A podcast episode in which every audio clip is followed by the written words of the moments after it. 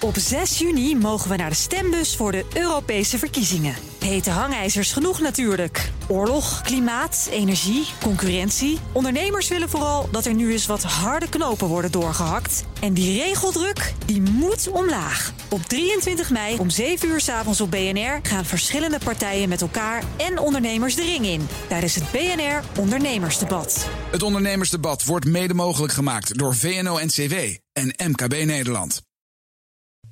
De column van Marianne Zwagerman. In de zomer heb je één zekerheid. Nederlanders trekken als lemmingen naar de Spaanse kust. Van Barcelona tot Marbella is het onmogelijk om een uur over straat te lopen zonder Nederlands te horen. Als er midden in de zomervakantie een terrorist met een busje door een mensenmassa ploegt op de meest toeristische plek van Barcelona, weet je dus één ding zeker. Daar zijn Nederlanders bij betrokken. Dus ga je live als nieuwsorganisatie. Daar hoef je niet langer dan 30 seconden over na te denken. Onze nationale nieuwsorganisatie ging niet live. Drie tv-netten, internet en een handvol themakanalen ter beschikking, maar geen speciale live-uitzending. Net toen ik me daarover zat te verbijten, zag ik een tweet van voormalig NPO-topman Ton F. van Dijk. Media en nieuwsrevolutie in beeld. Telegraaf zendt live uit over Barcelona, terwijl NPO 1, 2 en 3 gewoon doorprogrammeren.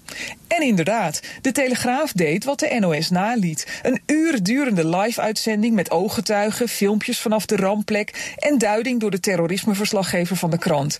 Zeer kundig gepresenteerd door Maarten Steendam, die geen minuut verslapte. Ik was kritisch bij de lancering van Telegraaf vandaag. Ik vind veel van de formats te weinig onderscheidend en te weinig leunen op het unieke Telegraaftalent. Maar de vlieguren die ze bij de krant maakten de afgelopen maanden betaalden zich donderdag uit. Ook technisch liep het als een zonnetje, met een grote player bovenaan de site van de Telegraaf, die daardoor meer op een tv-zender dan een internetkrant leek. De speciale Vandaag-app maakte dat ik op het strand via 4G alles perfect kon volgen.